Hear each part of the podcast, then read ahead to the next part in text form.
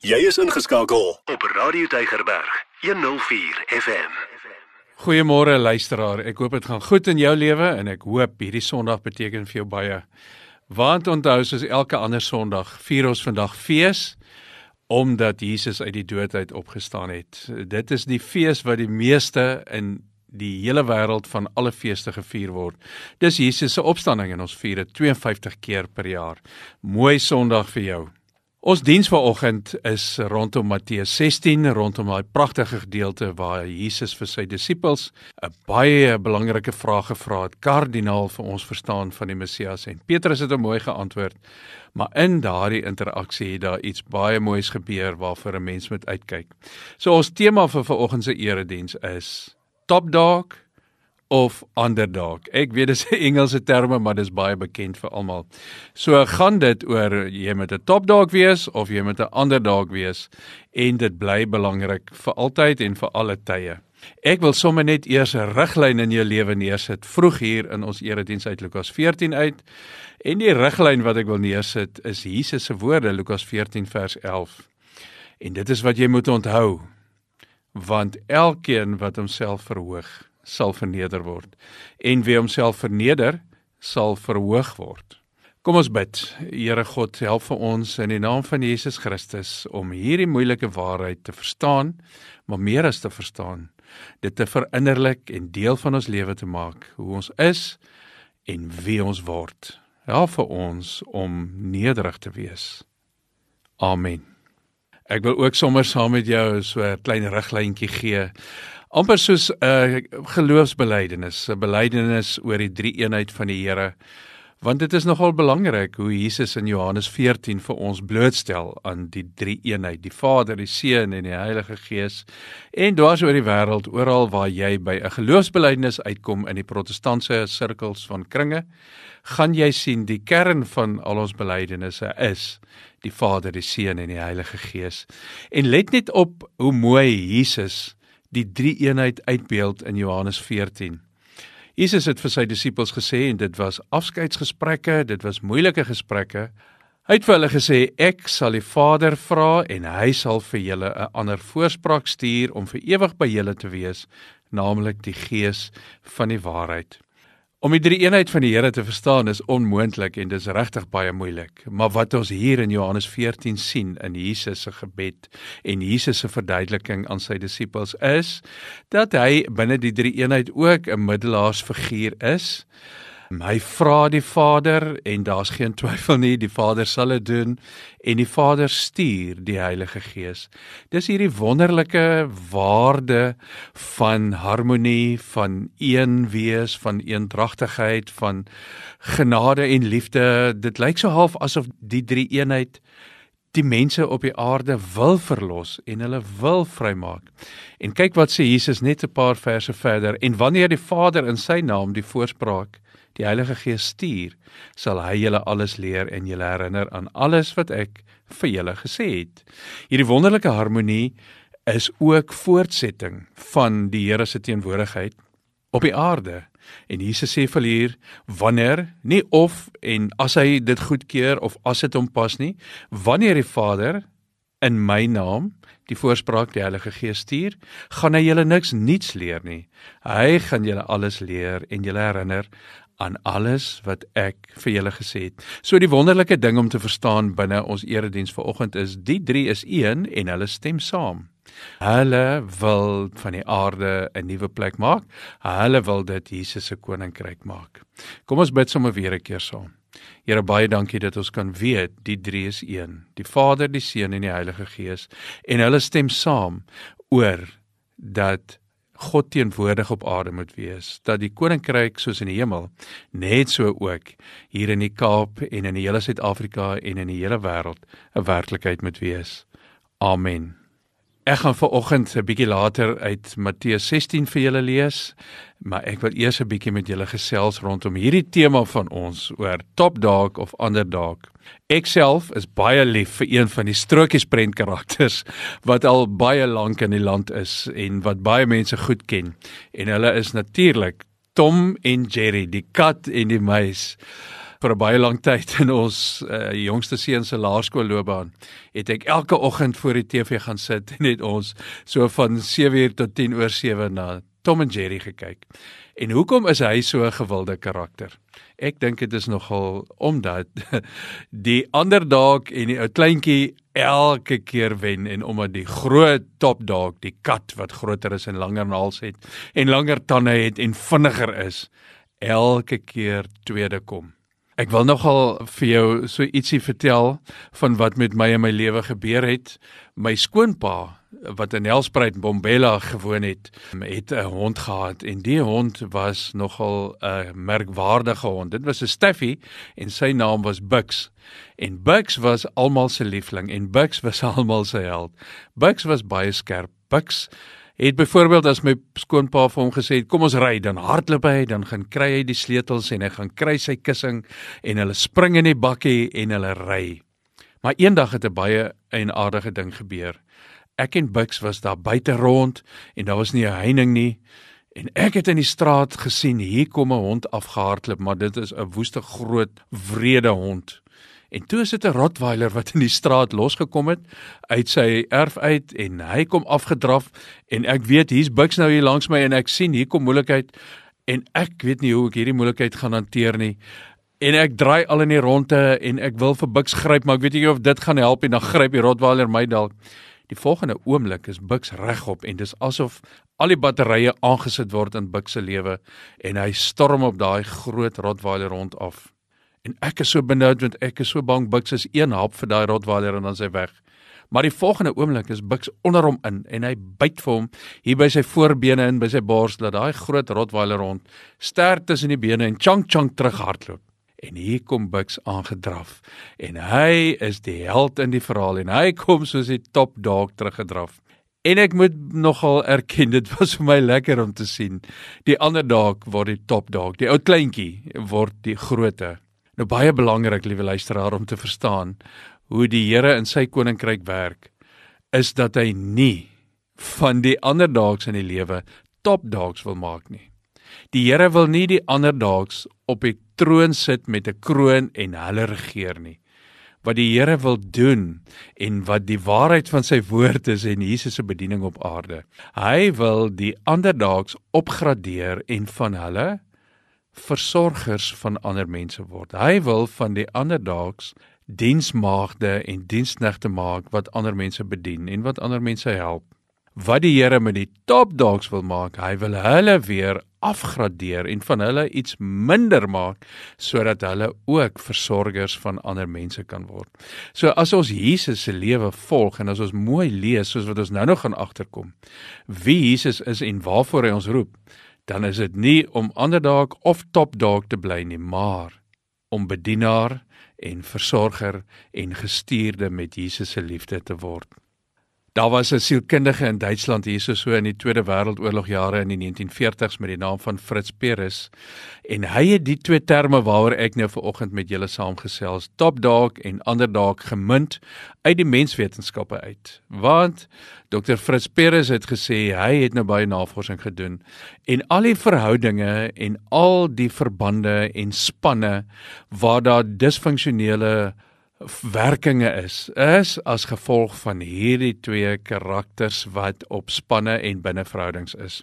En hy het dit genoem die top dog en die ander dog en hy het gesê die top dog is die een wat die roep maak, is die een wat bepaal en die opdrag gee en die ander dog is die een wat dit uitvoer. En hy het gesê dit veroorsaak baie spanning en baie probleme in enige verhouding. So ons vat nou die twee terme wat hy vir ons gemunt het en dan gee ons 'n Bybelse perspektief daaroor. En dan loop ons nie met top dalk en ander dalk vir oggend uit hierdie ateljee diens uit nie. Ons loop met Jesus Christus se voorbeeld weg. Julle ken almal die mooi storie in die Bybel en daar is geen Bybel en geen kinderbybel wat nie die verhaal van die reus en die seentjie van Isaïe Dawid in het nie. Dawid en Goliat is net so 'n lekker storie. Maar mense kan hom verkeerd verstaan en mense kan hom misverstaan en wat Dawid en Goliat se storie so lekker maak, is dat hierdie nog nat agter die ore jong seentjie hierdie reuse reus, hierdie oorlogveteraan ore aansit. Maar as 'n mens die Bybel mooi lees, dan was dit nie Dawid wat die reus verslaan het nie. Dan was dit die Here. Die Here maak dit vreeslik duidelik in die Bybel dat dit die God van Dawid is wat die oorwinning behaal het. Want wat met Dawid gebeur het, hy het nie die top dalk geraak nadat hy eers die ander dalk was nie. Hy het God se dienskneg geraak. In Bybelse tye was die koning van Israel die een wat moes sien dat God se wil geskied, dat mense aan hom gehoorsaam is, dat die weduwees versorg word, dat die weeskinders versorg word, dat na die armes gekyk word, dat die rykes na almal omsien en die koning moes sien dat God se wil op die aarde geskied. So kan jy maar gaan lees in die psalms ook. Dit was die koning se roeping om die Here se wil duidelik te maak.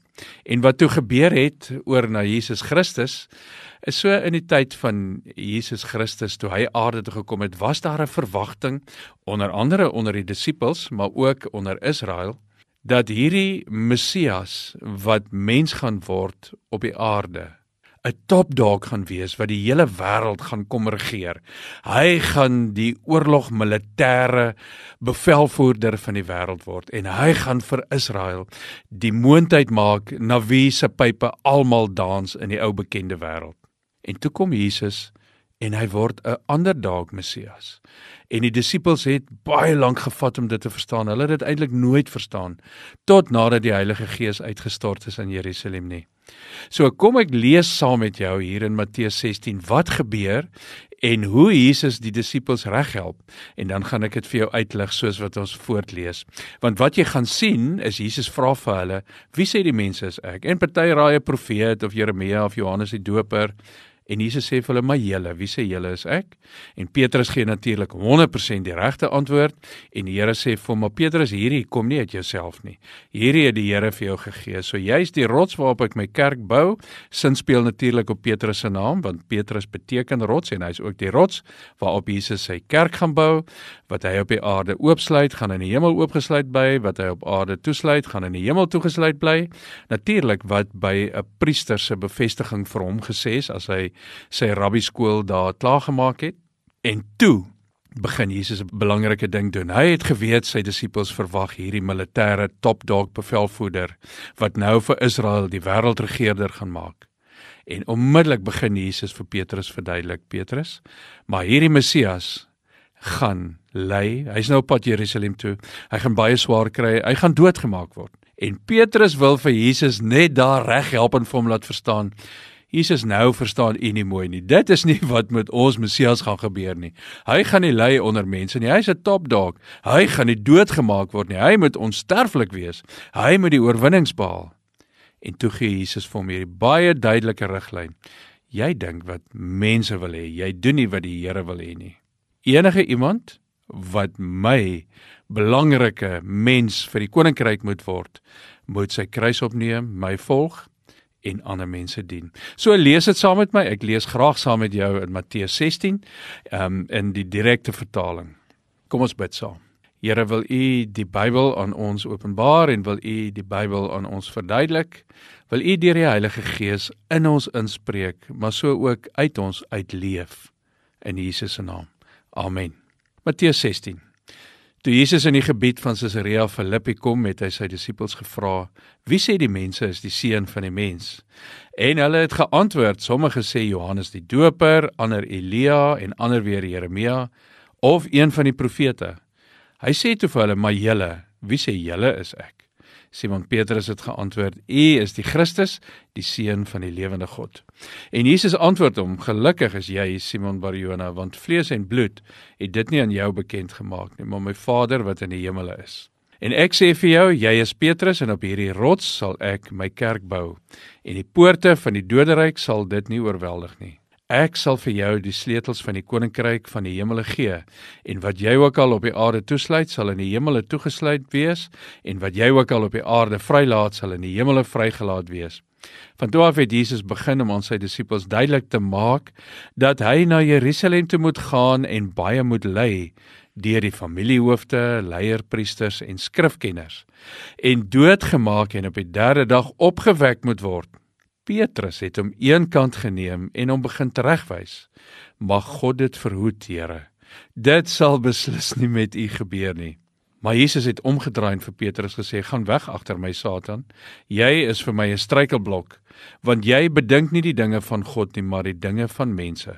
Toe het Jesus vir sy disippels gesê: "As iemand my wil navolg, moet hy homself verloën en sy kruis opneem en my volg."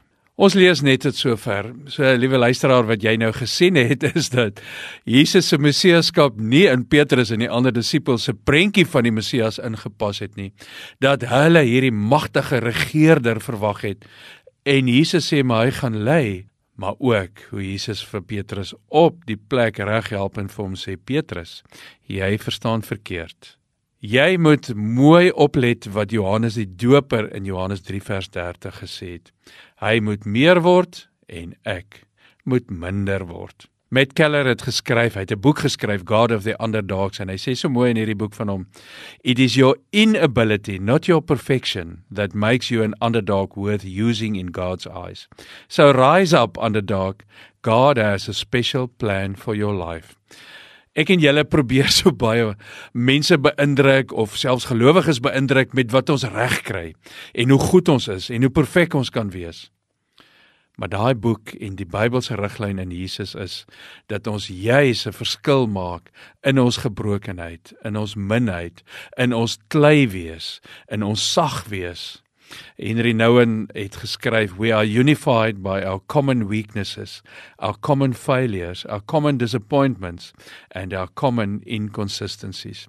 Liewe luisteraar, medegelowige, onthou dat God alleen volmaak is en dat ons onvolmaak en sondig is, maar dat hy vir ons 'n spasie het en dat hy baie beslis vir my en jou 'n plekkie het om vir hom 'n verskil te maak. Selfs ou Paulus wat baie gehad het om op te roem. Hy het mos vir die Filippense gesê hy kan roem op sy stam, hy's uit die stam van Benjamin. Hy is 'n Fariseer, hy ken die wet, hy het die skool van Gamaliel klaar gemaak. Nou dit sê nie in sy woord nie, maar Paulus het baie gehad om op te roem. Maar toe sê hy daai beskou ek alles nou as waardeloos en dan sê hy in 2 Korintiërs 12 vir die Korinte gemeente daarom sal ek my baie eerder op my swakhede beroem sodat Christus se krag my kan beskud Luister na Lukas 22. Wat gebeur onder die disippels? Mense kan dit amper nie glo nie, maar daar het toe onder hulle twis ontstaan. Waaroor? Oor wie van hulle as die belangrikste beskou moet word. Maar Jesus het vir hulle gesê: "Die konings van die nasies heers graag en as hulle gesag oor jou het, noem hulle hulle self weldoeners. Julle moet nie so wees nie. Maar onder julle, luister Jesus se woorde, laat die belangrikste onder julle wees soos die geringste en die een wat leiding gee soos iemand wat dien. Wat wil die Here met ons maak? Hy wil van ons diensmaagde en diensknegte maak wat min en sag en klei genoeg is om deur hom gevorm te word. Liewe luisteraar, ek het 'n gebed saamgebring wat ek vreeslik graag saam met jou wil bid en ek is 'n kort gebed, maar ek wil hê jy moet hom saam met my in jou hart saam bid. Is jy gereed? Kom ons bid saam. Here, help ons om vir U te aanbid en U grootheid te geniet binne in 'n stikkende aarde en in die velle en met die harte van 'n klomp minder is as 'n klomp ander dogs. Help vir ons om makliker u voorbeeld te volg. Help vir ons om in ons stikkindheid en ons onvolmaaktheid vir u 'n verskil te maak in die wêreld. Help vir ons om in ons onvolmaaktheid u volmaaktheid, u verlossing, u liefde, u genade te wys in 'n wêreld waar dit baie nodig is. Aan u Here al ons lof, al ons eer en al ons aanbidding. Amen. Elke dag jou nommer 1 keuse. Radio Deugerberg 104 FM.